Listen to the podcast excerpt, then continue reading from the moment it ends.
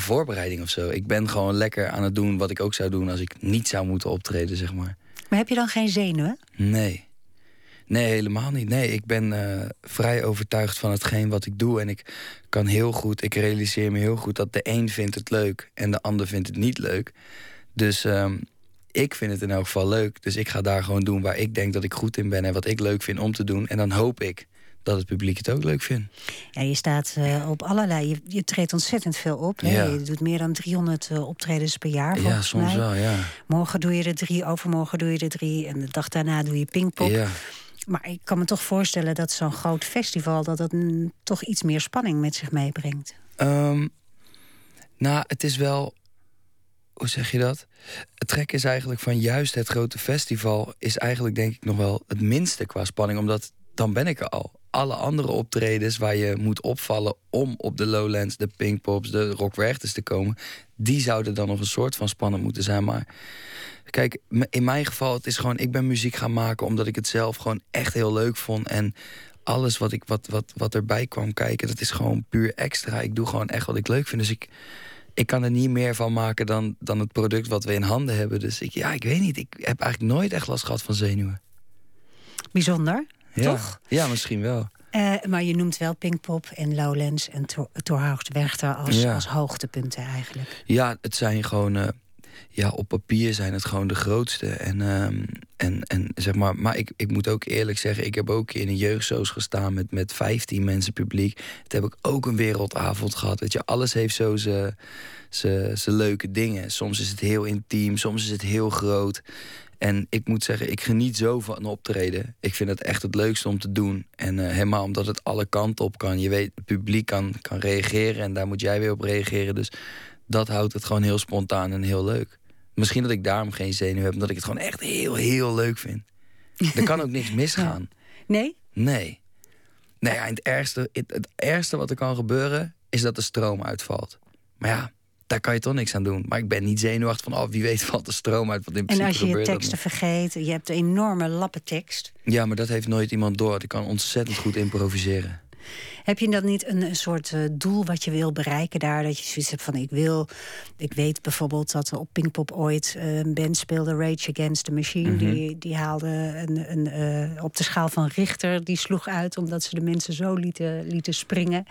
Het is een beetje een gek doel misschien. Mhm. Maar misschien heb je je eigen doel op zo'n festival? Nou, ik. Um ik wil gewoon van het podium aflopen. En dat wij, dus de jongens die op het podium staan... en in principe zijn dat drie en ik heb een paar aantal gastartiesten mee...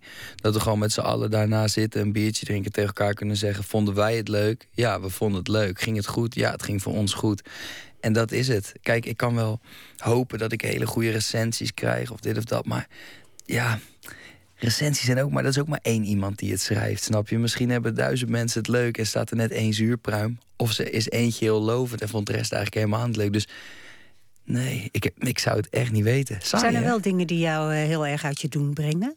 Ja, zeer zeker. Ik bedoel, ik, het, het, het feit dat ik het nieuws kreeg dat ik op Pinkpop mocht staan, dat, dat, dat geeft mij een hele leuke dag. Want dat bevestigt weer dat dat we gezien worden en dat we steeds relevanter aan het worden zijn en dus Pinkpop waardig zijn. En dat, dat doet mij heel erg goed.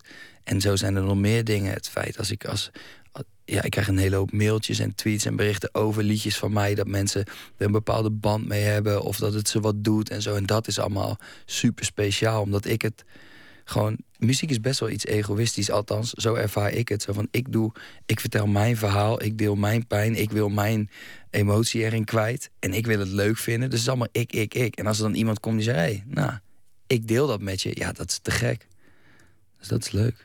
Is dat waar je het voor doet? Um, steeds meer, denk ik. Want dat is een verslavend gevoel. Iemand die tegen jou zegt dat jouw muziek iets met hem doet. Maar de kern is uiteindelijk dat egoïstische wat ik net zei. Gewoon, ik moet er zelf beter van worden. Dat is het. Als ik er niet meer gelukkig van word, dan gaat niemand er gelukkig van worden, denk ik. Je bent wat dat betreft wel een heel uh, ambitieus persoon, denk ik. Want, dat zeker. Uh, uh, voordat je, je bent nu 28, voordat je Mhm. een carrière als rapper had, had je al een enorme carrière in de, in de topsport. Of nou, een afgebroken carrière. Ja. Je was judoer van, Ja. vanaf hoe oud? Um, ik ben denk ik, mijn eerste judo-les was ik zeven, denk ik. In, uh, toen woonde ik nog in de omgeving van Rotterdam. Ja. En daar heb ik mijn eerste judo-les gekregen. Mijn vader bracht me daarheen, die had altijd judo. Want ik kon niet voetballen, tennis was niks voor mij. Zwemmen vond ik allemaal niet zo leuk. En toen ging ik judo en dat heb ik gedaan tot uh, mijn negentiende. Dus ik ben gestopt op het moment dat ik van junior naar senior moest gaan. Ja. En die overstap heb ik nooit gemaakt. Maar je bent twee keer uh, kampioen geweest in jouw gewichtsklasse en in jouw leeftijdscategorie. Ja. Nationaal kampioen. Ja. Uh, je hebt getraind met Henk Grol. Ja. Um, wat, wat trok je zo aan in die topsport? Um, ja, het, ik denk het, het, het, jezelf verbeteren en het steeds beter worden. En het is heel fijn, want je kan... Um, en dat mis ik ergens wel bij de muziek. Zeg maar, bij judo heb je heel erg dat één op één wedstrijd idee. Je kan heel goed laten zien van, ik heb van jou gewonnen. En ik vind het heel fijn om te winnen. En ik vind het heel naar om te verliezen. Dus dat vond ik bij judo heel leuk. En het spelletje was heel mooi, want het is een hele... Uh, een sport met veel respect. Maar er komt wel heel veel bij kijken. Respect voor je tegenstander. Ja, respect ja. voor je tegenstander. En, en respect voor je, voor je omgeving en, en, en voor, voor de sport zelf. Het is een hele nette sport eigenlijk. Maar ook weer heel hard. En het spelletje is gewoon heel leuk. Dus dat, uh, dat vond ik leuk. En jezelf gewoon uh, uitdagen om steeds verder te gaan en verder te gaan. Dat vond ik wel tof. Je leefde er echt voor, hè? Je bent verhuisd. Je bent, ja. Samen met Henk Groel. Ja. ja. Je bent naar, naar Haarlem gegaan, naar de beroemde sportschool van de, de, vader van Dennis van der Geest, ja, Cor van der Geest. Klopt. Hoe zag je leven er toen uit? Um, opstaan, trainen, heel even naar school, naar huis, eten, trainen, slapen. En dat zes dagen in de week. En je moest heel erg uitkijken wat je deed verder waarschijnlijk? Of niet? Ja, ik, uh, ja je, hebt, je hebt gewoon. Uh, op mijn eten moest ik vooral heel erg letten. Dat is ook een reden geweest dat ik uiteindelijk ben gestopt. Omdat ik. Ja, ik was nog. Wat dat betreft. e- nog niet volgroeid. En ik was al wel heel erg aan het afvallen. Want ik was 8 kilo. Moest ik onderdrukken om mijn gewichtsklasse te behouden. Dus dat heeft allemaal. Ja, er kwam zoveel bij kijken. En het was echt een. Uh, het, ja, ik heb heel veel respect voor de jongens die nog steeds judo. Helemaal omdat het. Um, je krijgt er niks voor terug behalve je eigen behaalde resultaten. Er wordt haast geen geld in de judo gestoken. Um, je moet bijna alles zelf financieren en dat soort dingen. En je traint je helemaal slag in de ronde. En dan word je bijvoorbeeld Nederlands kampioen of je bent wereldkampioen. En de, ja, je moet er alsnog naast werken. Ik dacht van ja, als ik zo goed kon voetballen als dat ik kon judo... had ik een villa in Madrid gehad. Ja. Ik vind het wel mooi zo. Was dat de reden, was dat de reden uh, dat je ermee ophield? Dat je dacht van... Nou, dat, dat... Ja, ook een van de redenen. Zo, zowel het gewicht als dat. Als um, uh, wat je net al zei, dat ik heel vroeg al uit huis ben gegaan om te kunnen judo. Dus ik moet eerlijk toegeven dat ik ook best wel last had van heimwee. Ik zat in een vreemde omgeving en ik had ook geen tijd om mensen te leren kennen. Echt alleen, het was alleen maar judo. En ik vond mijzelf ook niet goed genoeg uiteindelijk. Dus ik durfde de stap naar senior niet te maken. Als ik nu kijk naar Henk Grol, die jongen is zo verschrikkelijk goed. Dat, ja, dat niveau redde ik niet. En was dat een, een state of mind dat jij jezelf niet goed genoeg vindt? Of was dat realisme? Ik bedoel, werd dat ook door anderen erkend? Of, mm. of was dat echt mentaal? Is, is, je mentale houding is natuurlijk zo belangrijk bij ja, topsport. Ja, ik denk dat het een, een beetje van beide is. Ook als je... Um, ik bedoel, je kan nooit weten wat er gebeurt als ik door was gegaan. Ik denk dat ik de top niet gered had. Er zijn een aantal mensen die wel dachten dat er misschien in zat. Maar dat is speculeren. En ik denk, het, precies dat, die state of mind. Als ik er zelf al niet 100% in geloof, gaat het ook sowieso niet lukken. Dus toen ben ik uh, daarmee gestopt. En dan ben je 19, was je? Ja, klopt. En dan ga je terug naar Groningen. Ja.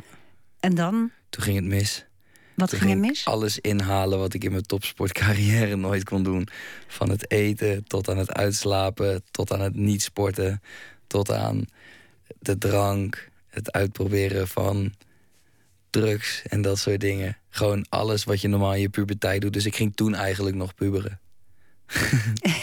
en wanneer kwam dan het moment dat je dacht... weet je wat, ik word rapper? Ja, vrij snel eigenlijk wel. Want ik ging van uh, dus twee, drie keer per dag trainen... zes dagen in de week naar niks doen eigenlijk. Ik ging dan naar school, maar dat deed ik ook niet echt. Ik was eigenlijk, werd eigenlijk een beetje hangjongeren.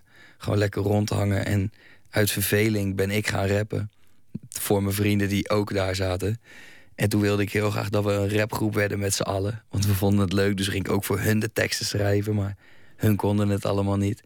En dat is eigenlijk gewoon een beetje uit baldadigheid is dat steeds verder gegaan. Van oké, misschien moet je het een keer opnemen. Nou, een keer wat opgenomen, aan die jongens geven. Die gaven het weer aan vrienden van hun. En die gaven het weer en die gaven het weer. En toen begon het in Groningen langzaam te rollen. Van hé, hey, dit is een jongen die is bezig.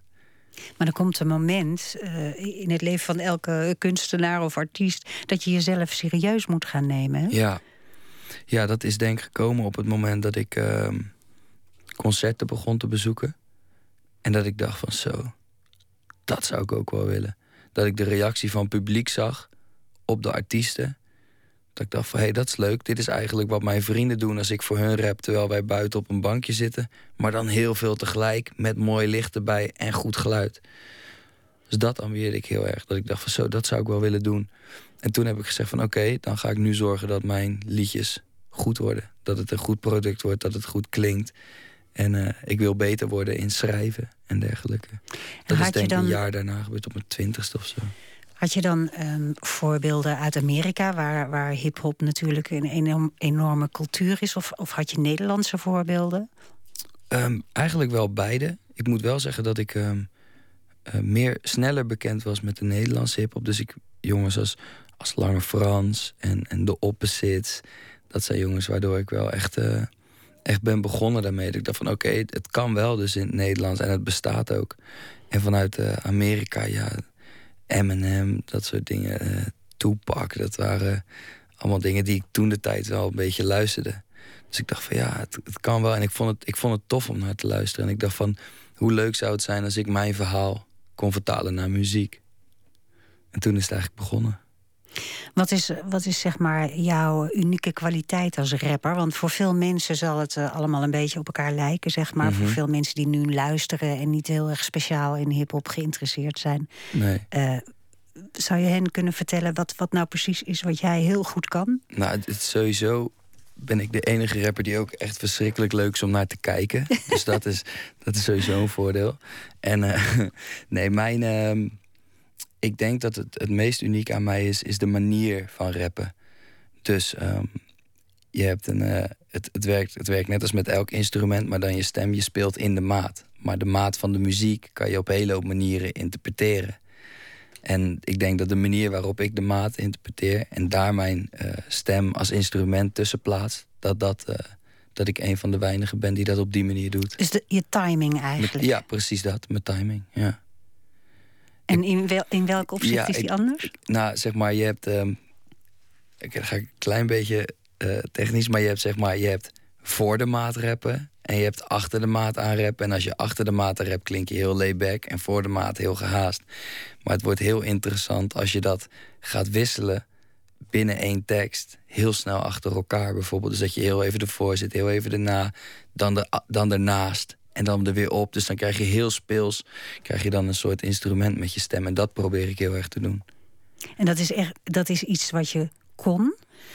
En, en, dat je, en, en, en dat je uit bent gaan werken? Of is het echt iets wat je besloten hebt? Um, nee, dat is denk ik gewoon uh, wat ik zelf ook uh, uit van de Amerikaanse artiesten het leukst vind om naar te luisteren. Er zijn er een aantal die ook een op die manier omgaan met hun stem. En dat vond ik gewoon erg leuk. En ik denk dat gewoon, uh, ja, waar je mee omgaat, word je mee besmet. En in mm. mijn geval waar je naar luistert, word je mee besmet. Dus ik denk dat ik het daar een klein beetje van heb uh, overgenomen.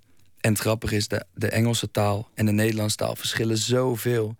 Onze lettergrepen werken heel anders, onze klanken zijn heel anders. Dus als je dat naar het Nederlands gaat doen, uh, vond ik dat heel fijn uitpakken. Dus dat vond ik heel leuk. Ik denk dat eigenlijk uh, nu een goed moment is om even een stukje van jouw muziek te laten horen. Omdat we het dan mooi concreet kunnen maken. Ja, dat kan. Uh, een nummer van, van Crane 2. Ja. Uh, ja. Spannend. Met z'n tweeën. Yes. Nee, nee, niet live, niet live, gewoon van de CD. Ik ben heel benieuwd. Er gaat wel eens wat mis en soms wil je wat instarten wat dan niet uh, te starten blijkt. Het hoort allemaal bij. Geeft niks, want dan kunnen we ook gewoon verder praten. Precies, wij hebben dat live ook wel eens hoor. Maar dat is alleen maar leuk, dat houdt het spannend. Ja, dat is wat jij spontaan noemt. Ja, maar ik vind het ook helemaal niet erg, want dat houdt het, dat houdt het ook puur. Ja. Want een ander ding waar ik graag over wil praten is dat je, je studeert ook nog, hè? Of ben je nu afgestudeerd? Nee, ik ben, nog, uh, ik ben nog bezig en ik hoop in eind deze maand af te studeren. Maar Vertel even welke opleiding dat ik is. Ik studeer aan de Academie voor Popcultuur. En dat is uh, de muziekstroming van de Kunstacademie van Groningen. En uh, dat is een hbo-opleiding. En ik ben nu laatstejaars. En ik dacht echt dat ik in, in juni klaar zou zijn. Misschien red ik het nog, maar misschien moet ik ook nog wel één semestertje na de zomervakantie door. Maar dan ben ik echt klaar. wat ik zo ontzettend grappig vond is... Eh, je bent een, eh, een van de beste Nederlandse rappers... of je hoort in ieder geval bij die top. Uh, je bent presentator bij BNN. Daar heb mhm. je de Social Club uh, gepresenteerd afgelopen seizoen. Ja. Um, je zit op school. Ja. had je ook al lang uh, over, uh, je schooltas aan de wilgen kunnen hangen, toch? Ja. Wat motiveert jou om zo'n uh, zo'n studie nog af te maken? Um, ja, dat vraag ik mezelf ook af. Maar op de een of andere manier wil ik het heel graag doen. En ik moet ook zeggen dat de opleiding die ik doe die sluit ook mooi aan bij alle ondernemingen die ik, die ik doe. Dus, dus de, het rappen, maar ook de, de muzikale bedrijfjes die ik daarnaast uh, heb. Dus ik vind het eigenlijk wel fijn. Ik leer nog een hele hoop op school. En dat motiveert me om daarheen te gaan. Zeg maar, als ik het idee heb dat ik daar niks meer leer, dan, dan is het inderdaad ook niet nodig. En ik zou het gewoon fijn vinden als ik uiteindelijk toch een HBO-diploma bij mijn moeder op het bureau neer kan leggen. Zo van: kijk maar, ik heb het wel alsnog gedaan. Dat is een motivatie. Dat is sowieso motivatie. En ik hoop dat ik mijn diploma nooit echt nodig ga hebben, maar je weet het nooit. Dan het grappigste is dat, dat je uh, je scriptie hebt geschreven over jezelf, hè? Ja. Ja, dat is, uh, ik vond het een heel interessant onderwerp, mezelf. Nee, ik heb eigenlijk, uh, wat ik heb gedaan is... omdat ik doe heel veel op gevoel.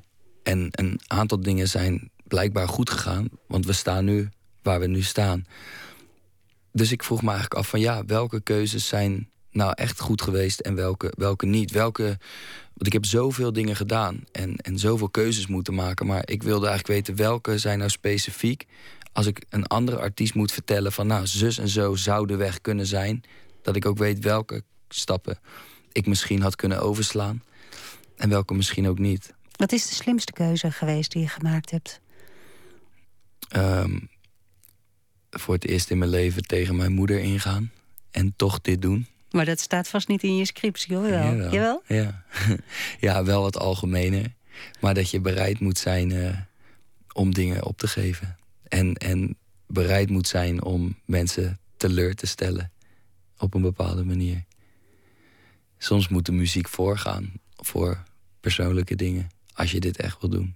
Maar dat is een soort basis die je als topsporter hebt uh, opgedaan waarschijnlijk.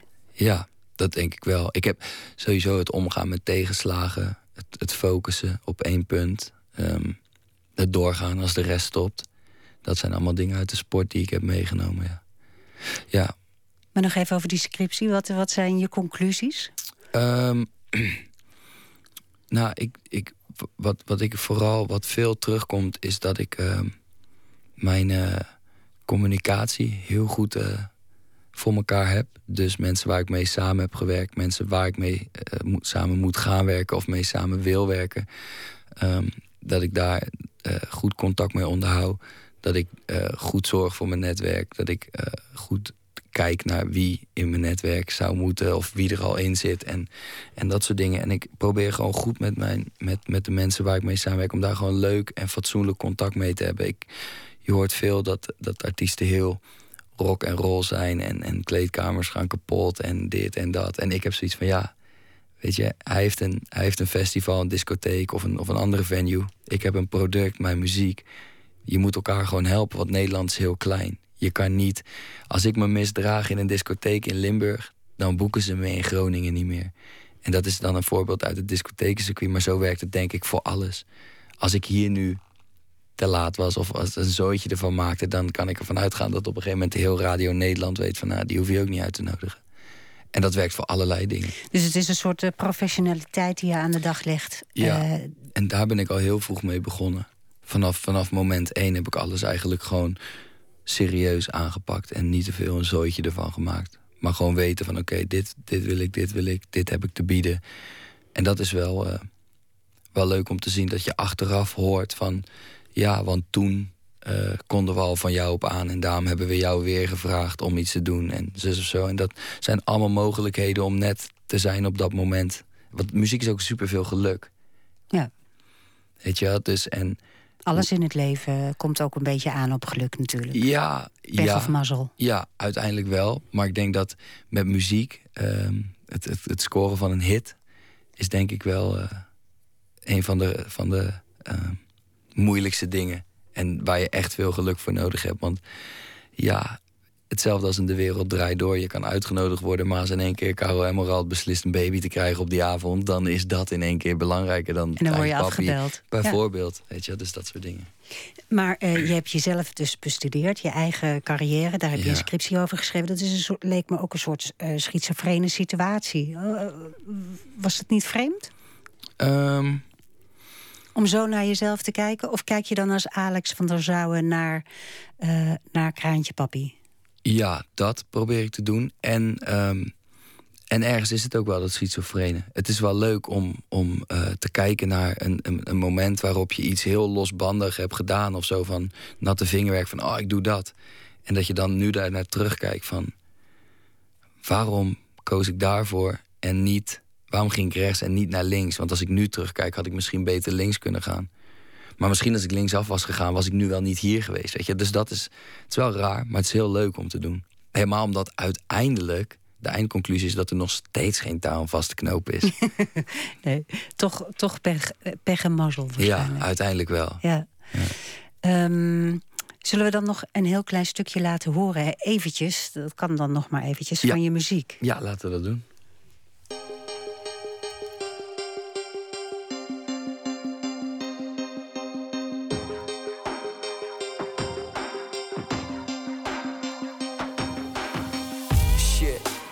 Weg van jou. Toch gaat het lastig momenteel en kan ik echt veel beter weg bij jou. Maar dat is toch gek, want ik vind telkens weer mijn weg met jou. Een echte vrouw die ik echt vertrouw, maar toch, ik heb het echt benauwd. En dat is krom, want heel mijn leven lijkt een test voor jou. Dus best wel koud, maar wakker is down als ik je zeg ik hou van jou. Ik niks verpesten in de ergste dauw of slechte fout. Besef me nou hoe lastig deze situatie werkt. En dat kost tranen, dagen en jaren van ons leven die ons slopen. Maar die geen van ons nog op zou willen geven. Dus proberen het nog even en ons hoofd met trots geheven. Jij en ik, yin en yang, zijn getekend voor het leven. Maar damn. En we zitten in een zomer met z'n tweeën waarvan niemand echt begrijpt wat het is. Want we gingen voor een droom met z'n tweeën, maar de weg voor ons verdween in de mist. We gaan te slecht met z'n tweeën. We gaan perfect met z'n tweeën. We gaan kapot met z'n tweeën.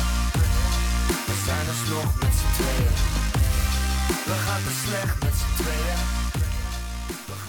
Ja, heel onbeleefd om jouw muziek weg te draaien. Maar uh, ja. anders kon je niet die laatste vragen nog stellen. Want ik, ik ben zo. Dit, is, dit was het nummer met z'n tweeën. Met en het kwam van je het, laatste ja. CD, Crane 2. Ja. Wat ik me zo afvraag, wat is de grens tussen, tussen Alex en Kraantje? Want bijvoorbeeld als je bij eh, BNN als presentator optreedt... iets wat mm -hmm. je trouwens ontzettend gemakkelijk afgaat... Dank je wel. Schijnbaar. Uh, dan, dan, dan staat er in beeld niet Alex, maar dan staat er Kraan. Dan ja. is het ook niet meer Kraantje Papi, mm -hmm. Kraan. Ja. Um, nee, de grens is wel heel duidelijk, denk ik. Tenminste, voor mijzelf is die heel duidelijk. De, de, ik heb wel een, een lijn waar men niet overheen komt. Als in, uh, als, het, als het mijn werk betreft. Dus... Um, Nee, ik probeer dat wel te beschermen. Gewoon, Jezelf? Ja.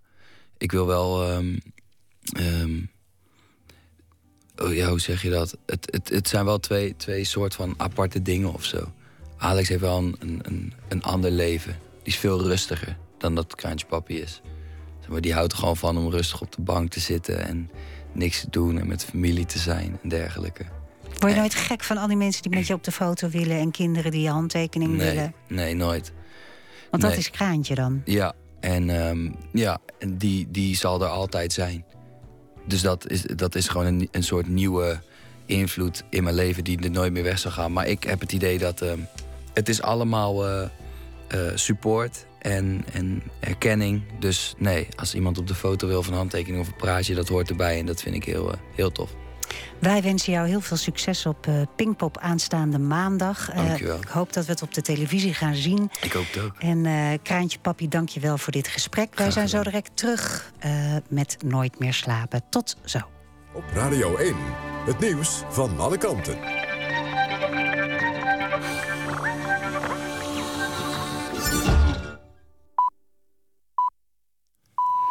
1 uur, Ewout de Jong met het NOS-journaal. In de Apeldoornse wijk Sprenkelaar hebben nog 300 huizen geen gas. Bijna 1000 huishoudens zijn inmiddels weer aangesloten. Monteurs van netbeheerder Liander proberen dit weekend iedereen weer aangesloten te krijgen. Of dat lukt is nog niet duidelijk. Het gas in de Apeldoornse wijk werd vorige week vrijdag afgesloten... nadat bij werkzaamheden aan de waterleiding een gasleiding was geraakt. En daardoor raakte bij elkaar 6 kilometer van de hoofdgasleiding vervuild. Bij Slavjansk in het oosten van Oekraïne hebben pro-Russische separatisten een legervliegtuig neergehaald. Volgens de zelfbenoemde burgemeester van de stad is het een Antonov-verkenningsvliegtuig. De Oekraïnse autoriteiten zeggen dat het een transporttoestel is gevuld met hulpgoederen. Over slachtoffers is nog niets bekend. Slavjansk ligt midden in het gebied dat twee maanden geleden in opstand kwam tegen de nieuwe regering in Kiev. In de Braziliaanse stad São Paulo is gevochten tussen stakend metropersoneel en de oproerpolitie. De agenten gebruikten traangas, rubberkogels en stungranaten. Zeker drie demonstranten raakten gewond. Het stakende metropersoneel wil meer loon. Voetbalfans in Brazilië zijn grotendeels afhankelijk van de metro om stadions te bereiken. En ook in andere steden waar wedstrijden voor het WK voetbal worden gespeeld... is de afgelopen tijd gestaakt door onder andere onderwijzers, vuilnismannen en politieagenten. De Servische voetbalclub Rode Ster Belgrado mag het komend seizoen niet meedoen aan de Champions League. De Europese voetbalbond UEFA heeft Rode Ster uitgesloten omdat de club een betalingsachterstand heeft. De Turkse clubs Sivasspor en Ekaziyerspor mogen niet meedoen aan de voorrondes van de Europa League. De clubs zijn verwikkeld in een matchfixing schandaal. De clubs zouden drie seizoenen geleden Fenerbahce hebben laten winnen. Het weer vannacht helder. Het koelt af naar 10 tot 15 graden. Overdag flink wat zon, maar ook enkele wolkenvelden. Bij een oostelijke wind wordt het 25 graden op de Wadden... en 30 tot 32 graden landinwaarts. S'avonds kans op onweersbuien. Dit was het NOS Journaal. Radio 1. VPRO. Nooit meer slapen.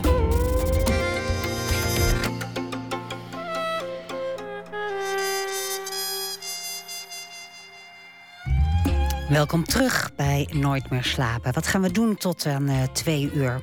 We besteden aandacht aan de documentaire Maidan van regisseur Sergej Loznitsa. Die gaat over de opstand in de Oekraïne. En uh, die behandelt echt alles van het vreedzame broodjes smeren tot de grote escalatie. We lopen ook met mode-illustrator Piet Paris door het Centraal Museum in Utrecht. Uit de collectie van dit museum koos hij meer dan 150 voorwerpen. En die presenteert hij in een heel verrassende vorm, namelijk als scènes van een musical. Maar we beginnen dit uur, zoals altijd, met een schrijver of dichter die reageert op iets wat er in de wereld is gebeurd. En deze hele week doen we dat al met de in Amsterdam wonende Vlaamse schrijver Ivo Victoria.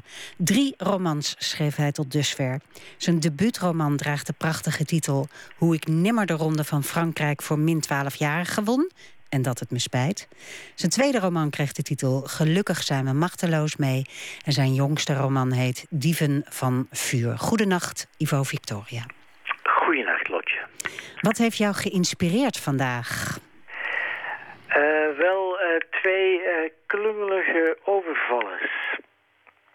Ehm, in de Vlaamse krant Standaard uh, las ik dat twee jonge mannen uh, het risico lopen om een anderhalf jaar tot twee jaar gevangenisstraf uh, te krijgen wegens een mislukte overval op een tankstation. het was zo dat een van die twee uit de auto stapte met een nylon kous over zijn hoofd, vastberaden het station te overvallen, maar de glazenwasser was aan het werk. En daardoor gingen de glazen schuifdeuren niet open. Ach, wat ja. tragiek. Zeer frustrerend voor een overvaller. En uh, ja, dus die jongen moest onverrichte zaken terug de auto inkruipen. En uh, werd alsnog gearresteerd.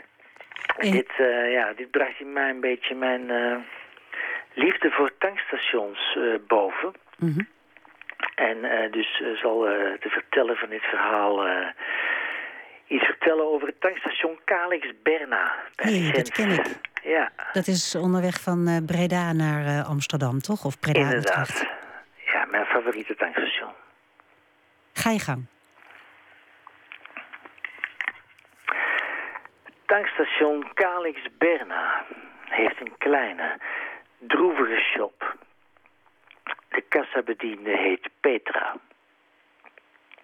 Ik ben de enige klant en neem koffie. Van achter de balie kijkt Petra achterdochtig toe. Buiten stopt een bestelbusje. Er stappen drie mannen uit. De schuifdeuren glijden geruisloos open. Verfvlekken op witte overals. Ze lopen door de shop alsof het een bouwplaats is. Uiteindelijk komen ze bij Petra uit. What's your name? How many boyfriends do you have? Petra giechelt. De mannen zeggen dat alle Nederlandse vrouwen minstens vier vriendjes hebben. Petra slaat de ogen neer, frunnikt aan haar Esso-jasje. Wanneer de mannen de shop verlaten, klapt ze onmiddellijk het kogelvrije glas naar beneden dat de bediende van de klanten scheidt. Ondertussen, voor de schuifdeur, die ongeduldig half opent en half sluit, vegen twee Turkse mannen omstandig hun voeten. Daarna bestuderen ze nauwkeurig elke rek van de shop, nemen dingen vast, keuren ze, leggen ze weer terug.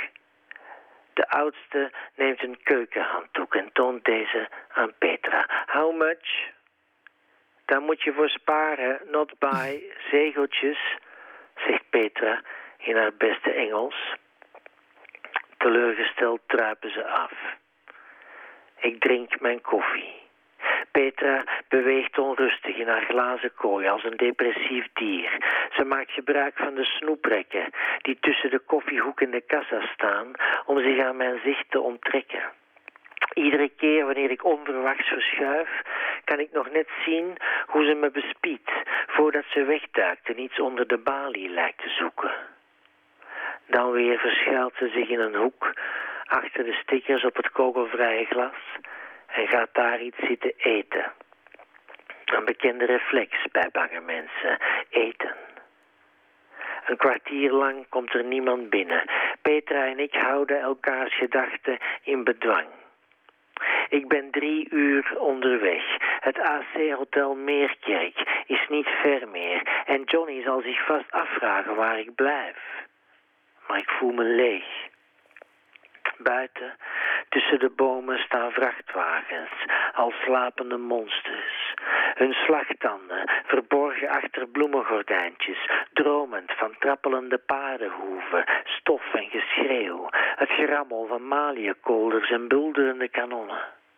Want aan de overzijde van de snelweg liggen ze echt.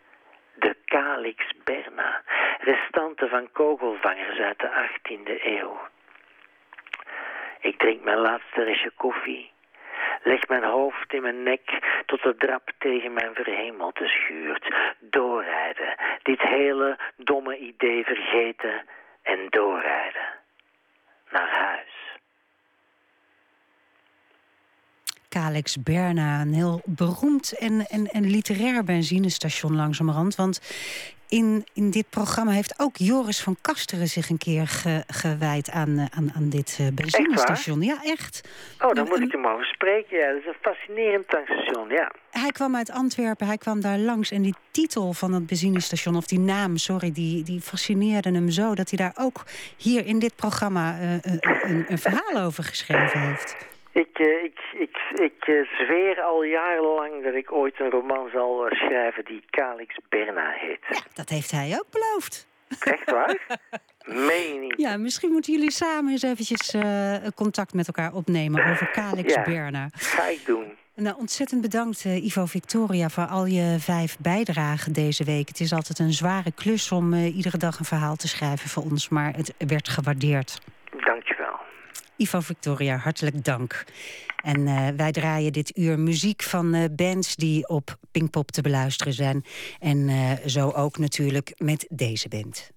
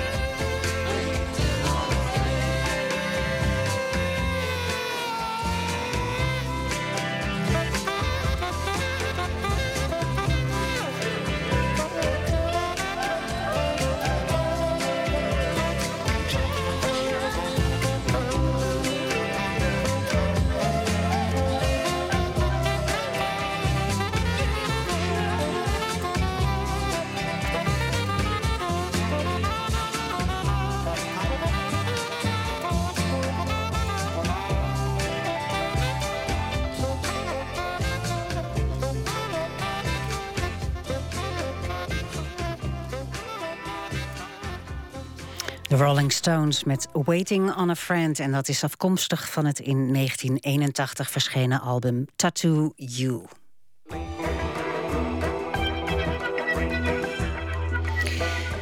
Een van de weinige documentaires over een recente revolutie die over vijf jaar niet gedateerd zal aanvoelen. Dat schreef vakblad Variety over de documentaire Maidan... bij de wereldpremière in Cannes afgelopen mei. Geen portretjes van de opstandelingen, maar regisseur Sergej Loznitsa... filmt vooral een samenwerkende massa. Wat maakte die opstand nu zo bijzonder... en is Maidan inderdaad het monument voor die wende? Floortje Smit spreekt met NRC-filmjournalist... en oud-Rusland-correspondent Raymond van der Boogaard...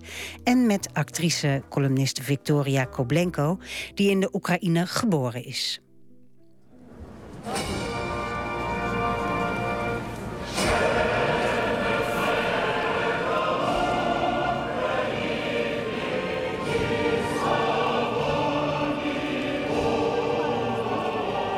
Het volkslied, gezongen door duizenden verkleumde Oekraïners.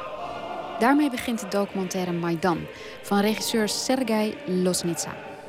Met stille, regisserende shots toont hij de opstand die in de Oekraïne een einde maakte aan het bewind van president Yanukovych. Van het vreedzame broodjes smeren tot de escalatie. NRC-journalist Raymond van den Boogaard vond het prachtig. Een, een dergelijk soort revolutie met zijn gewelddadige aspecten over zo'n lange tijd. Ik ken eigenlijk geen andere film die dat laat zien. Er zijn weinig van dat soort revoluties sinds de 19e eeuw. En er zijn ook niet eh, films die dat laten zien. Victoria Koblenko was minder onder de indruk. Documentaire is absoluut een monument. De vraag is of het een monument is wat je, waar je vaker omheen zou willen lopen. Uh, of die twee uur het waard zijn om nog een keer te bekijken. En dat is het voor mij niet. Wat dat betreft is het, uh, levert het geen bijdrage aan het begrip van het conflict.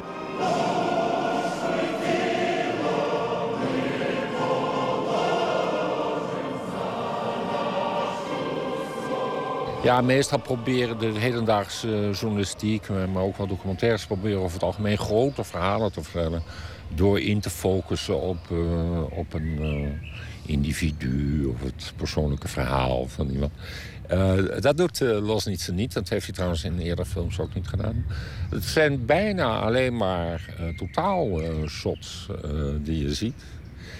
En die dus de menigte benadrukken. Dus de film individualiseert niet zozeer wat er gebeurt, maar hij neemt het. dat vind ik heel mooi. Dat, dat, dat lukt ook heel goed natuurlijk. Dat, dat is een zijn genie. Hij is een hele goede filmmaker, weten we van vroeger ook. En um, het is een mooi gemaakte film. Maar het is natuurlijk ook wel de subject matter, dus waar die over gaat. Die de film, vind ik, zo uniek maakt. En wat mijzelf betreft laat hij toch iets... Uh, uh, rehabiliteert of toont hij het belang aan van een uh, gebeurtenis of een revolutie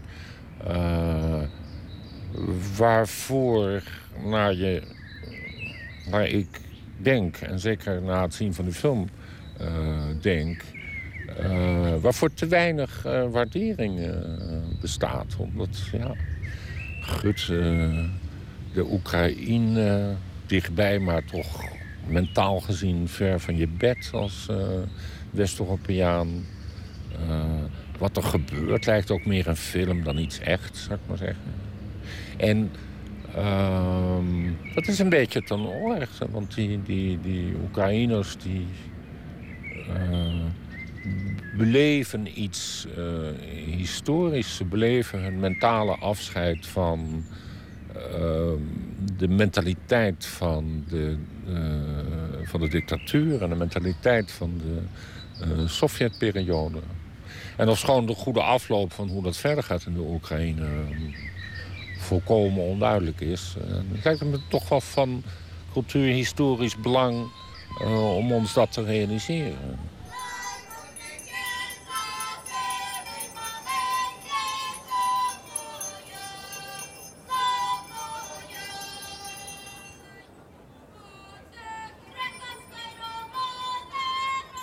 Het heeft bijna een kerkelijke, een spirituele ervaring wordt het. En door het herhalen van het volkslied en van het, uh, van het jengelende van de oude vrouwtjes... die al maar dat volkslied en al maar de gebeden... voel je dat het een mantra wordt. En, en het voelt bijna gevaarlijk. Dus het, het, het neigt bijna naar een, uh, ja, ik durf het niet te vergelijken met een Jehovah eh, ervaring. Maar zo komt het na twee uur wel over. Sergej Losnitsa laat zien hoe, uh, hoe die opstand door alle lagen van de bevolking wordt gesteund. Zij zorgt ervoor dat je genoeg oude vrouwtjes, genoeg jonge dames, genoeg mannen en, en, en zaakondernemers uh, uh, ziet. Om het gevoel te krijgen dat het uh, inderdaad door de hele bevolking gedragen wordt. Um, je krijgt alleen nooit echt door wat hun back thoughts zijn. Dat vind ik jammer. Net zo min als dat je nu ook uh, te zien krijgt wat de mensen drijft in het oosten. Wie zijn die mensen? Zijn het werkloze mensen die wellicht gevoelig zouden zijn voor economische prikkels uh, van, uh, van over de grens? Wat voor, wat voor mensen zijn dat? Of zijn dat romantici die zijn blijven hangen in de, in de Sovjet-Unie, die dromen van een teleurgang van de Sovjet-Unie? Zijn het dezelfde mensen die dromen dat uh, Nederland nog uit de EU zou kunnen stappen? Daar zie ik dan echt een link tussen. Van, dat is ook volstrekt zinloos.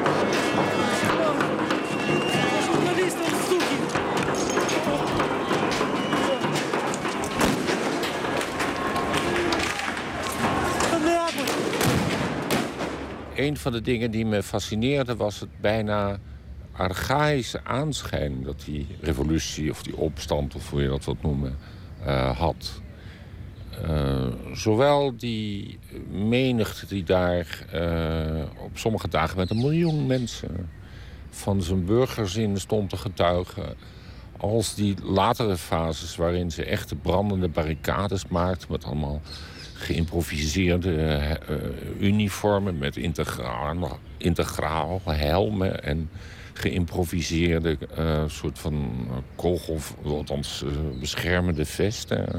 Überhaupt trouwens is de barricade als fenomeen, dus een barricade waar je op staat en je, je, ook bereid bent om je daar dood te laten schieten en zo. Dat is ook iets wat sinds de commune van Parijs in 1871 nauwelijks meer is vertoond. Dat, dat komt eigenlijk, ja, dat is iets wat je alleen maar uit geschiedenisboekjes kent. En ik denk ook eigenlijk dat deze film van Sergei Losnitsa, Maidan... dat dat de eerste documentaire film is waar een dergelijk soort van opstand überhaupt uh, in beeld wordt gebracht. En dat archaïsche speelt ook wel in meer opzichten nog. Dus niet alleen maar de barricades en het geweld. En de, het speelt bijvoorbeeld ook in de rol, wat de film goed laat zien trouwens... de rol die poëzie speelt in het geheel. Dat niet alleen maar citeert men uh, gedichten van de grote 19e-eeuwse nationale uh, dichter Taras Shevchenko. En, um, en zingt men dat, dat uh, volkslied uit 1862, wat ook trouwens als tekst een beetje ja, erg tijdgebonden is, zou je zeggen. maar men schrijft ook zelf uh, uh, nieuwe nationale gedichten over de opstand zelf en over de natie en zo. En draagt die dan voor, voor, de, voor die honderdduizenden mensen die daar. Dat is heel romantisch allemaal eigenlijk. Тримайся, дорогий Майдан. Через годину вже світанок. Чекає перемога нас. Свободу подарує ранок. Ніхто не може нас здолати. Бо Україна наша вільна. De sfeer is uh, absoluut voelbaar. Ik ben er een aantal dagen geweest. En uh, je voelt het, de romantiek van zo'n opstand was voelbaar. En dat, is, dat, dat klinkt heel cru. Want hier in Nederland zagen we vooral die zwarte wolken... en, en de gewonden en de doden. En als je daar stond, voelde je de liefde van de mensen die het dragen. De mensen die daar vrijwillig poëzie kwamen voordragen... omdat ze draaglijk wilden maken voor de mannen... die om, het zo, om de zoveel uur wacht wisselden. Dus de liefde en de, de romantiek van, uh, van die revolutie... dat komt absoluut heel goed tot zijn recht in deze documentaire. Nou ja, wat Los niet te zei... dat was toen hij erheen ging dat hij voor het eerst het idee had... dat er een de post-Sovjet-mens was opgestaan in Kiev. Omdat mensen verantwoordelijkheid namen. Zeiden, horen eens even, uh, dat pikken we niet meer. Dat een stelletje dieven uh, hier de politieke dienst uitmaakt. En het land onder elkaar verdeelt, et cetera. Uh, en we pikken het dus, dat is een case daarin. We pikken het niet meer als de president zonder, iemand, zonder ons te vragen... zegt van nou, we gaan niet met de Europese Unie... maar we gaan gezellig terug in een soort van unie. De, die Eurasiatisch uh, verbond van uh, Poetin. Soort quasi-Sovjet-Unie. Of zo zag men dat tenminste. Um, en dat is natuurlijk toch een belangrijk iets. Ja, wat je heel sterk zag binnen de barricades in Kiev was dat, dat het er heel democratisch aan toe ging. Ze hadden.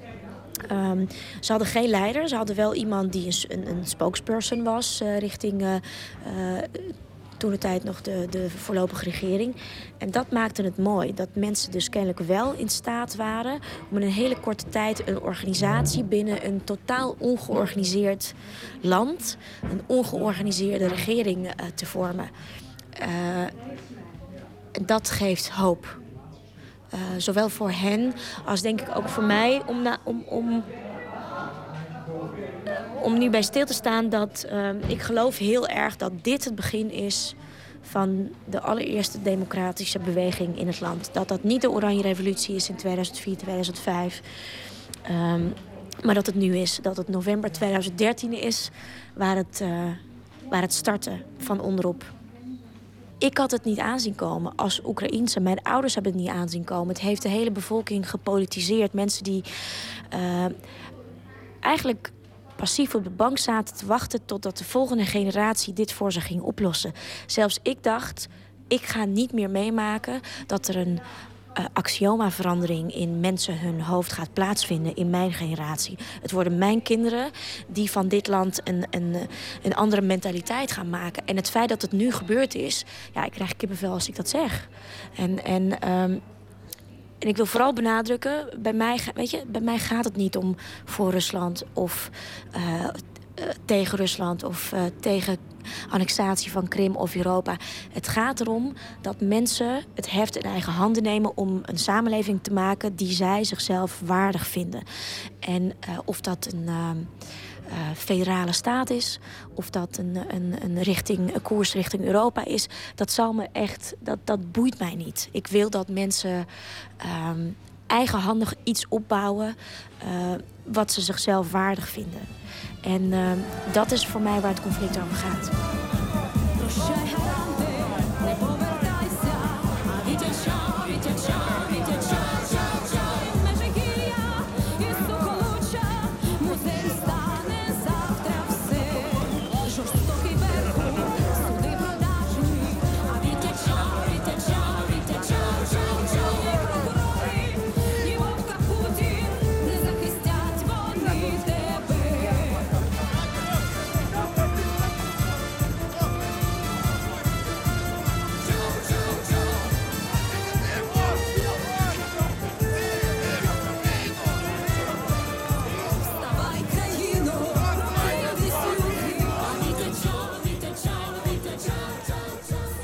Maidan gaat morgen om uh, kwart over negen in première in AI in Amsterdam.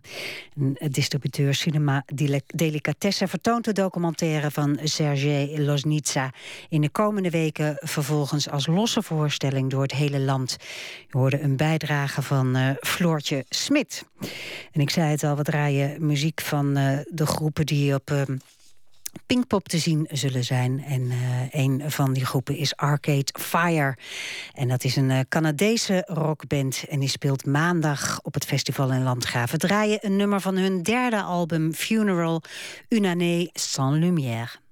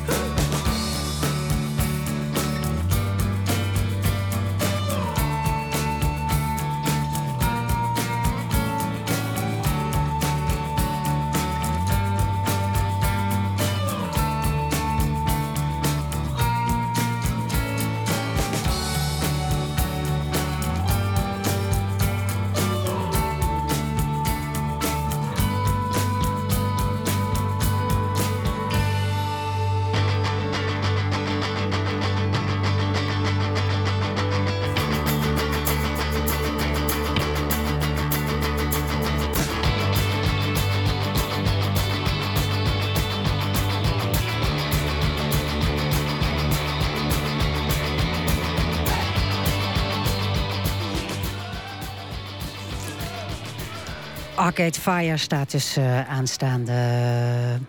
Nou, ik weet eigenlijk niet of ze er zondag of maandag staan. In ieder geval staan ze op Pinkpop dit weekend. Canadese band, u hoorde ze hier met Une année sans lumière. Nooit meer slapen. Iedere vrijdag bellen we voor een culturele tip met een van VPRO's smaakmakers. Vandaag is dat Katja de Bruin, boekenredacteur bij de VPRO-gids. Hallo Katja. Hallo. Goedenacht. Wat is jou uh, opgevallen in het recente boekenaanbod? Want jij leest natuurlijk ontzettend veel. nou, ik lees, ik lees veel, maar nou ook misschien niet zoveel als iedereen denkt. Maar ik heb wel uh, iets... Uh, leuks vandaag, vind ik zelf. Of uh, in ieder geval, ik vond het heel erg leuk. Twee boeken waarvan ik in eerste instantie dacht... Moi, ik was niet zo'n enorme uh, fan van Sex in the City, zoals heel veel andere mensen. Dit zijn allebei boeken die zich afspelen op de datingmarkt in New York... Uh, tussen, nou ja, hoogopgeleide dertigers, het bekende, bijna cliché beeld van mm goed opgeleide jonge vrouwen die niet aan de man komen en de mannen die het allemaal wel best vinden. Dus ik dacht, ik heb het eerste is een roman, Adele Waldman, een debutante. Het boek heet Het liefdesleven van Nathaniel P. Maar wat heel erg goed aan dit boek is, uh, is dat zij het uh, perspectief van een man heeft gekozen in plaats van van de, de vrouwen die zich altijd... Uh, genaaid voelen. Want daar gaat het eigenlijk vooral over. En dat heeft ze heel erg goed uitgewerkt. Dus zo'n man die ja, die eigenlijk heel snel is uitgekeken op allerlei vrouwen zodra die ze veroverd heeft. En, uh, en zij doet het heel scherp, heel geestig en, uh, ook, um, en ook veel diepgaander dan, dan het onderwerp doet vermoeden.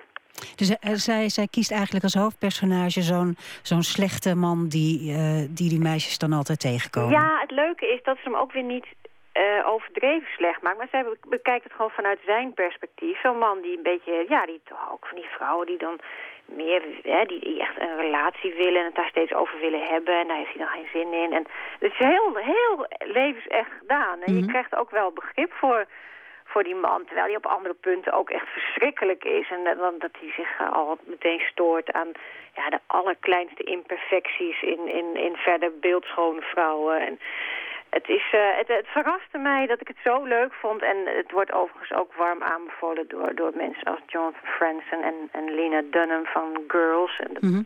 zegt natuurlijk Televisieserie, ja. Het is absoluut geen chicklit, terwijl ja, dat doet het dan een klein beetje vermoeden, maar dat is het dus helemaal niet. Echt, ik heb er echt van gesmuld en zonder dat ik me achteraf een beetje schuldig voelde. dat ik dacht van ja, was dit eigenlijk wel zo... Uh, het is echt ook literair helemaal verantwoord. En, uh, in, en toen las ik vlak daarna iets uh, wat er eigenlijk heel mooi op aansloot. En dat is dan een non-fictieboek over hetzelfde onderwerp. En dat heet, dat hebben ze, die titel is wijselijk niet vertaald. Dat heet namelijk Screw Everyone. En dat is van een stand-up comedian, Ophira Eisenberg heet zij. En die schrijft over... Uh, nou ja, eigenlijk is het, uh, het is Sunny Bergman sletvrees, maar dan op een hele leuke manier. Zij vertelt over hoe, hoe zij uh, de ene na de andere man versleet... totdat ze uiteindelijk uh, uh, wist hoe het moest. En, en, en zonder enige gêne en met enorm veel humor ook. Ook veel leuker dan ik, dan ik aanvankelijk dacht. Het is, nou ja, je, bij iedere man, ze is niet erg kieskeurig en uh, dat wordt zeer op prijs gesteld door, door alle jongens die ze ontmoet. En en zij zegt ook van ja, dat wordt natuurlijk, het is, de meisjes mogen dit niet. Nou, inmiddels weten we dat ook allemaal wel. Maar zij zegt van ja, je moet gewoon een beetje oefenen en om je heen kijken en niet te kieskeurig zijn. En uh, er is helemaal niks mis mee. En dat, dat, is heel, ik vind het heel verfrissend hoe zij dat opschrijft. Grappig, want het zijn dus eigenlijk twee boeken waarvan je zou denken... dat is uh, chicklit, hè? Ja. damesliteratuur of lectuur.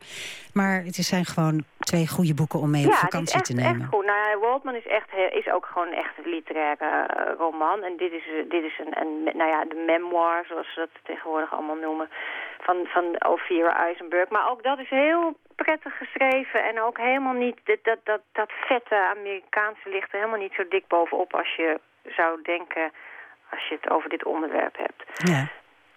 Dus ik heb ook hier uh, ja, heel smakelijk om gelachen. En ik ben ook nu wel benieuwd naar wat voor soort comedian zij is. Dus uh, beide zeer aan te bevelen. En misschien mag ik nog even zeggen dat van beide boeken ook een fragmentje te lezen valt op de boekenwebsite van de VPRO. Dat mag je altijd zeggen natuurlijk. we hebben het op deze plek ook wel eens gehad met jou over uh, de sombere toekomst van het boek. Hè? Maar uh, ik begreep dat, dat er een nieuwe ontwikkeling gaande is wat dat betreft. Nou ja, ik, ik, ik heb uh, ook naar aanleiding van de maand van het spannende boek... dacht ik, ga ook een, een goede thriller uh, zoeken. En dat valt nog heel lang niet mee, want een heleboel thrillers zijn gewoon niet zo heel erg goed eigenlijk. Althans niet als je gewend bent om vooral uh, om niet zoveel thrillers te lezen. Maar ik heb nu een boek, dat is een Sutler heet dat. Het is van een Richard House heet die man. Het is het eerste deel uit een serie. En dat is een... Um, digitaal verrijkt boek. En daar is al vaker mee geëxperimenteerd en niet altijd met even groot succes. Maar in dit geval is het wel bijzonder. Dit is dus gewoon een, een normale, eh, heel zeer spannende eh, thriller.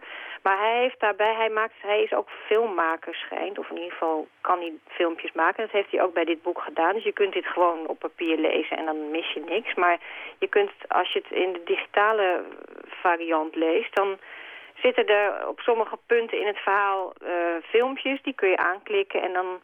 Ja, dat is toch heel... Uh, het verhoogt enorm de sfeer van het verhaal. Het is dus niet per se noodzakelijk om ze te zien. Je kunt het verhaal prima volgen zonder. Maar het is wel een, volgens mij het begin van een, uh, van een trend. Om, het eigenlijk ook helemaal niet zo moeilijk meer is natuurlijk met de opmars van het e-book. Om, om dingen toe te voegen ja, die visueel heel, uh, die het veel aantrekkelijker maken. Maar dan, en spannender. Dan wordt dus je, je hoofdpersonage, waar je je eigen fantasie bij kan ontwikkelen als je een boek leest, die wordt dan ingevuld door een acteur? Nou, dat is, dat is hier niet het geval. Okay. Het, hier zie je dus een soort sfeerbeeld van, eh, kijk, dit is een hoofdpersoon die het verhaal is heel ingewikkeld om even snel samen te vatten. Maar hij reist, hij, hij bevindt zich in Irak in naoorlogs Irak, waar, ze, uh, waar een soort fraudezaak gaan is met de mm. wederopbouw daar. En dan, je ziet, en hij, hij, hij, hij gaat, moet op de vlucht en dan komt hij in alle uh, barre orde. En dan zie je dus gewoon uh, een bus, een hobbelende bus en iemand kijkt naar buiten, maar die figuur zie je verder niet. En je hoort een stem, een hele mooie Brit met een prachtig Brits accent, die, die leest dan eigenlijk een soort fragment voor. Maar je, ineens ben je dus even op die plek waar die persoon zich bevindt... zonder dat je hem verder ziet. Dus het is niet zo dat het een soort clipje is. Oké, het is echt sfeer. Het is echt een sfeer, ja. En ja, ik kan me ook voorstellen dat mensen zeggen... ja, die zeggen, ik, ik, voor mij hoeft het helemaal niet. En uh, je kan het prima zonder. In dat opzicht is het ook nog misschien niet een helemaal geslaagd experiment. Maar toch vind ik het wel interessant hoe ze dit doen. En wat ook heel slim is, is dat ze bij de Engelse editie hij is, ooit, hij is trouwens ook genomineerd geweest voor de Booker Prize. Zegt ook wel iets over de kwaliteit. Dat ze daar, um, uh, als, je de, als je erover tweeten, dan kreeg je gratis het uh, digitale exemplaar. Dus dat was natuurlijk heel slimme marketing stunt. En, en dat, was, dat is dus Richard House. En nog één keer de titel van het boek? Ja, de titel is Sutler. En het is deel 1 van de Kills-reeks. En ook daarvan is iets uh, te lezen, dan wel te downloaden op de boekensite van de VPRO. Hartelijk dank dan uh, Katja de Bruin en een goede nacht verder. Goeienacht. De Arctic Monkeys braken in 2002 door als een van de eerste bands. Uh, profiteerden zij van het uh, wereldwijde web, internet. Ze plaatsten hun muziek op het internet en binnen no time was de band populair in Engeland en stonden de platenmaatschappijen in de rij. Inmiddels hebben ze vijf albums uitgebracht en sluiten ze zondagavond uh, Pinkpop af. Wij gaan luisteren naar het nummer Only Ones Who Know.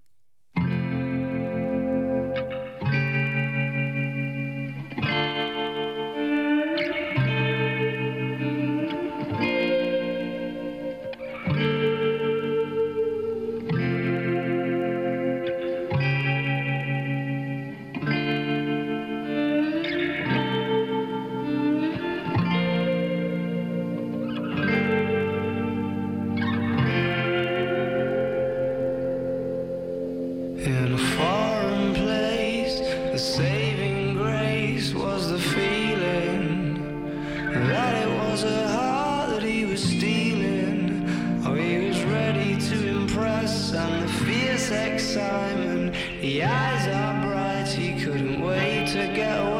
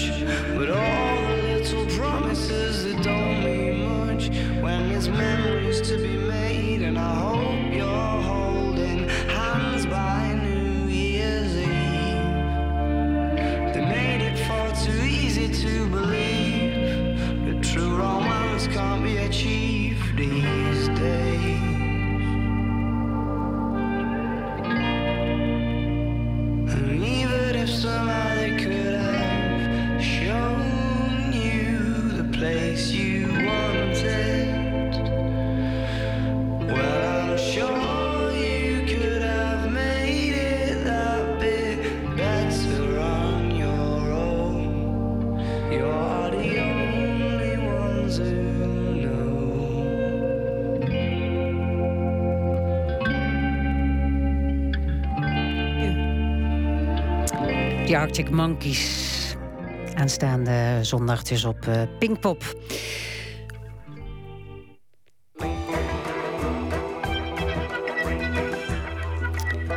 U luistert naar eh, Nooit meer slapen van de VPRO.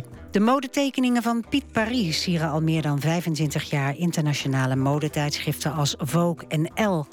Zijn illustraties waren zelfs op New Yorkse stadsbussen te zien. Sinds kort is hij ook creative director van de Nederlandse editie van het wereldberoemde modetijdschrift Harper's Bazaar.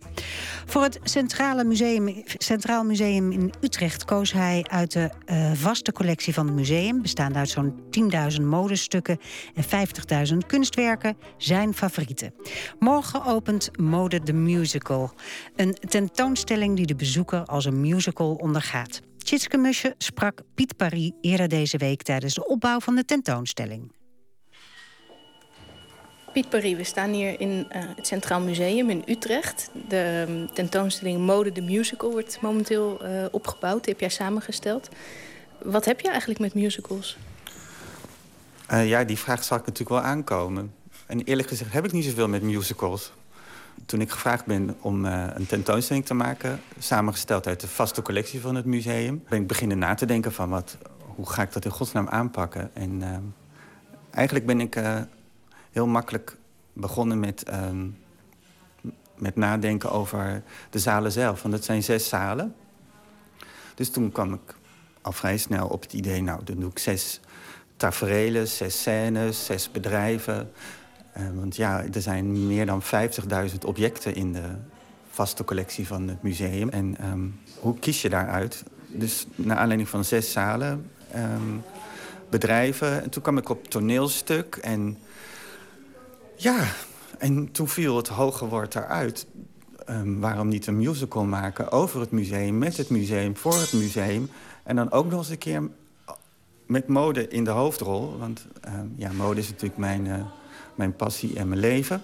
Daar werk ik in en al heel lang. En uh, daar wil ik zoveel mogelijk uh, in, over en in laten zien. Dus um, ja, dus uh, toen, toen me eenmaal het hoge woord eruit was, Mode the Musical...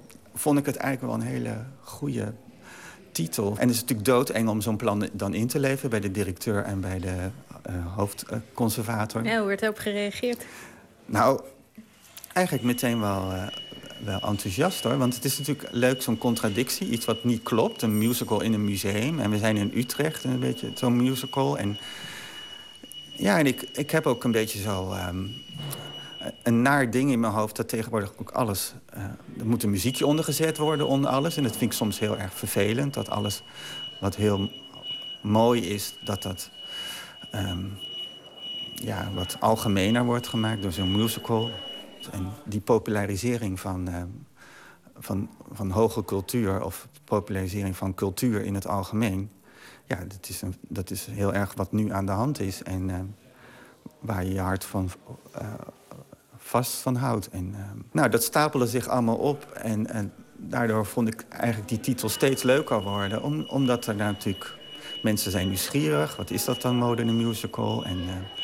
Nou, dat gaf mij ook een heel mooi raamwerk om te, mee te kunnen kiezen. Want uh, daardoor kon ik een zaal doen over de rode loper. Want er is altijd een rode loper bij, uh, bij de musical. En er is altijd een première bij de musical. Dus het is een zaal over de première. Ja, het gaf mij allemaal um, voorzetjes, die musical, om, om te kunnen cureren, om te kunnen kiezen. En ja, ik ben ook altijd wel een beetje... Ik ben Piet Paris en ik vind het altijd een beetje plat om dat zo uit te leggen. Maar ik, ik hou van, van hoge mode en van, van, um, van alles wat, wat daaronder. En uh, ik hou heel erg van die piramide. Dus ik hou van haute couture tot en met een Hennis en Maurits, zullen we maar zeggen. Ja, want Piet Paris, dat is niet jouw echte naam, dat is Nee. je artiestennaam. Jouw Ja, echte naam ja. is eh, Pieter het Hoen, geloof ik? Ja, ja, eh, Pieter het Hoen. En toen ik op school zat, had ik zoiets van... ja, daar kan je nou niet echt wereldberoemd mee worden... met zo'n moeilijke achternaam. Dus toen heb ik mezelf Paris genoemd van achteren. En eh, nou ja, dat doe ik al 25 jaar. En eh, daar hou ik dan ook maar niet meer mee op. Piet is het nuchtere en dan Paris is natuurlijk de, de haute couture. Dus ehm, ja, en, en uiteindelijk gaat de tentoonstelling... kwam ik ook wel achter dat het eigenlijk over mezelf gaat. Want ehm, de, de inhoud van, eh, van die musical gaat over twee smaken. Dus ehm, er zijn twee hoofdrolspelers. De een heet Chantal en de andere heet Simone. Dus met een knipoog naar natuurlijk. En, Simone Kleinsma en Chantal Jansen, Nou, de musicalsterren de van dit moment. musicalsterren, ja. En eh, Simone eh, houdt van, eh, van strak en van modern. En Chantal houdt van barok en van gezellig, om het maar zo te zeggen. En ehm, ja, ik kan nooit kiezen op een of andere manier. Dus mijn huis is altijd, mijn huis is een beetje van alles wat. Maar in de tentoonstelling zie je dus heel duidelijk die verschillen tussen die twee. Dat, eh, dat is leuk voor de bezoekers ook. Dan kunnen ze kiezen van we- welke jurk, of welke stoel, of welke lamp. Of, eh, vind- is leuk en welke vind jij leuk. Want, dus Dus je kunt eigenlijk je kunt kiezen met welke hoofdpersoon je je het Ja. meest identificeert Ja. gedurende deze tentoonstelling. Maar het is toch grappig dat, dat je dus eigenlijk niet van musicals houdt, maar je kiest toch dat als leidraad voor een tentoonstelling. Nou ja, natuurlijk hou ik van musicals. Ik bedoel, u, ehm, zet mij ehm, met een bak chips eh, voor de Sound of Music... die ik al twaalf keer heb gezien. En, en Marvel Lady kan ik ook dromen. Dus eh, nee, ik, nee, natuurlijk hou ik ervan. En, ehm, En wat vind je er dan zo leuk aan? nou, het, het gaat niet eens zozeer meer... Het gaat niet zozeer in deze tentoonstelling over de musical. Het is... Het is ehm, ik, ik zie het het liefst als een tentoonstelling die gaat over smaak en over kiezen. Want ik denk, ik denk dat, dat kiezen steeds belangrijker wordt. Want je, er is zoveel dat je ook... al gaat het maar over duurzaamheid of zo. Het, het wordt steeds belangrijker dat je weet wat je wil... en ehm, dat, je, dat je nadenkt over, over wat je wil en waarom... en dat je dus keuzes maakt. En, ehm, dus ik ga dat musical niet hoog inzetten, want ik vind dat ehm, niet nodig. Omdat in de tentoonstelling het eh, over aller, allerlei aspecten gaan die buiten de musical vallen. Die twee hoofdpersonen, Simone en Chantal, kunnen we die ook ergens zien? Zullen we daar naartoe lopen? Nou ja, ze staan hier voor me. Want ze Oh. staan, eh, Ik gooi een paar schoenen om. ja. We staan hier in de backstage zaal, omdat het hier een lekkere rustige kamer is. En hier zie je ehm, twee eh, scènes. Links is, een, ehm, is de backstage ruimte gemaakt van eh, Chantal.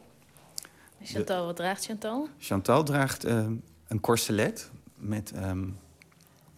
ik heb nog niet precies uit mijn hoofd uit welke jaart, jaartallen... maar het is, ik denk dat die 1920 is, het corselet. Ehm, Ja, dat is eigenlijk voor de mensen die het niet weten. Het is een corset met een stuk met een rokje kanten eraan. en een rokje eraan. Ja, Ja. ja. En er zitten charretelhoudertjes aan. En ze heeft een kant ehm, ehm, panty aan. En al haar eh, backstage spullen, objecten... Haar, haar stoel en haar, haar spiegel... die zijn eerder barok. Komen uit allerlei verschillende periodes. Want dat is het, het mooie van, van zo'n museum.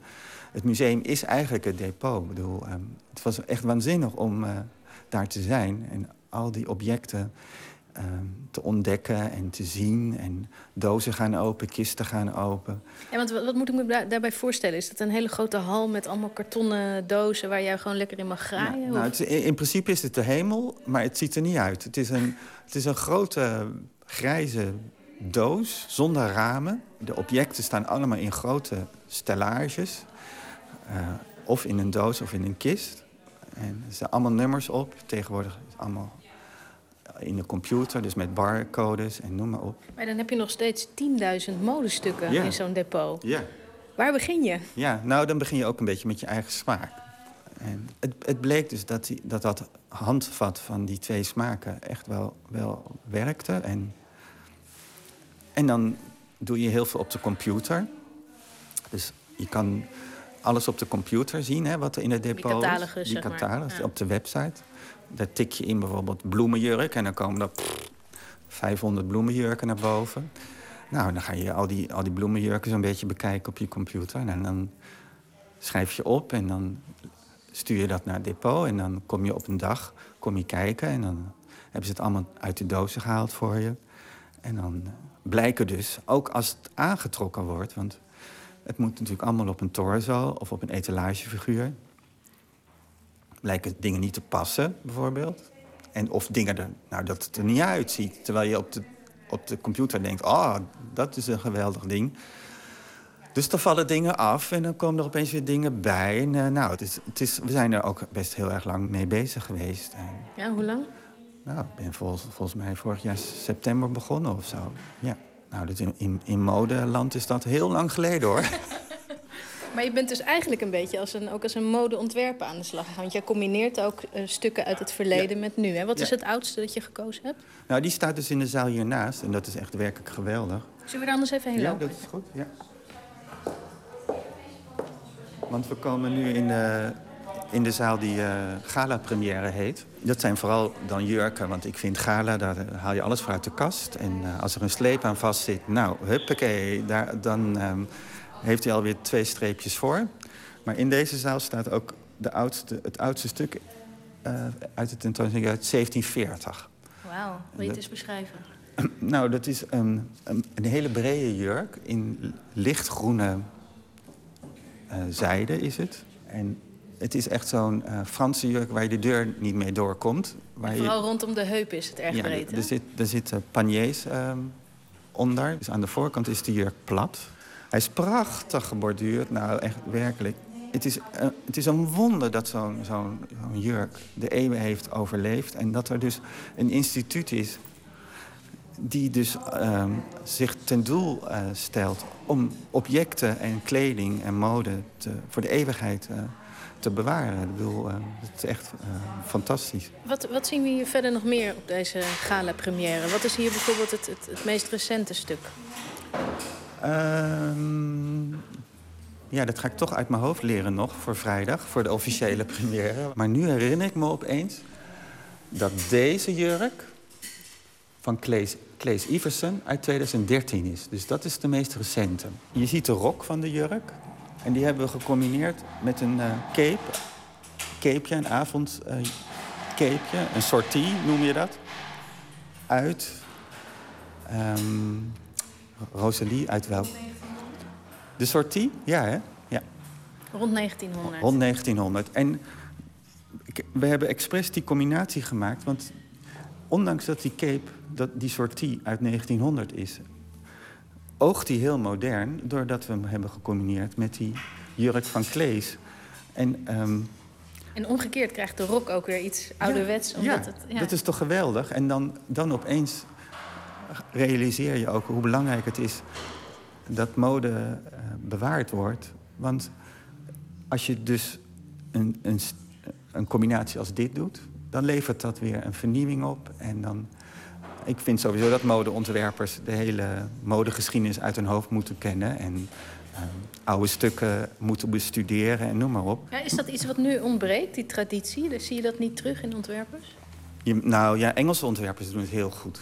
Die, die, ehm, die zijn zich daar heel erg van bewust van de, van de kostuumgeschiedenis. En, eh, want ik vind ook dat die sortie, dat is net een Alexander McQueen.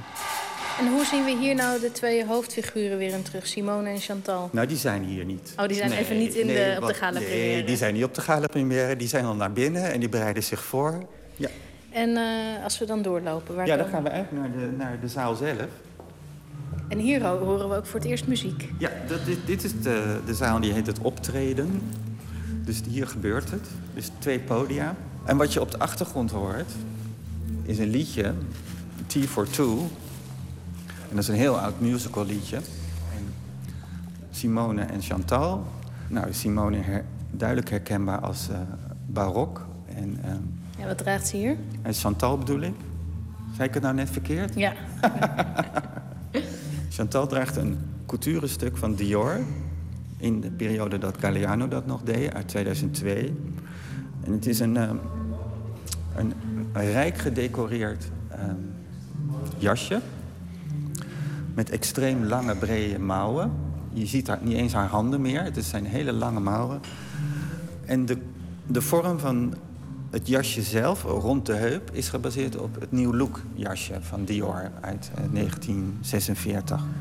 Nou, en ehm, Simone is eh, strak in, in, in een strakke Gerrit en Natasja jurk. Dat is een Nederlands eh, eh, duo. Eh, G plus N heette die.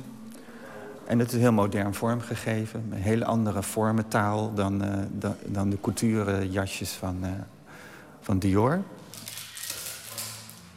Wat doe je nu? Ik wil dat het hoedje iets modieuzer. Leuk, hè? Het is een beetje wat je moeder had in eh, 1974. Hoe, hoe, hoe hoop jij nou, als dit dan de musical is waar, waar bezoekers eh, naartoe gaan... hoe hoop je dat ze aan het eind van de avond na afloop weer naar huis gaan? Wat hebben ze meegekregen? Oh, nou, dat is best een, eh, een hele lastige vraag. Nou, dat is een beetje... Als, je- als je in je eentje bent, kan je niet zo babbelen met iemand anders. Maar als je met z'n tweeën bent, dat je inderdaad gaat, gaat, gaat praten... en een beetje zo nadenken over wat mooi is en wat niet mooi is. En, en dus ja, dat het, dat het zoiets oproept. En, kijk, je mag het ook gewoon leuk vinden. Je mag het ook gewoon stom vinden natuurlijk. Maar het leukste zou ik vinden als, als er een... Ja, als je er toch eventjes, als je hier bent... wat langer nadenkt over kiezen en over smaak. Ja, dat, ik denk dat dat eh, wel leuk is als dat lukt.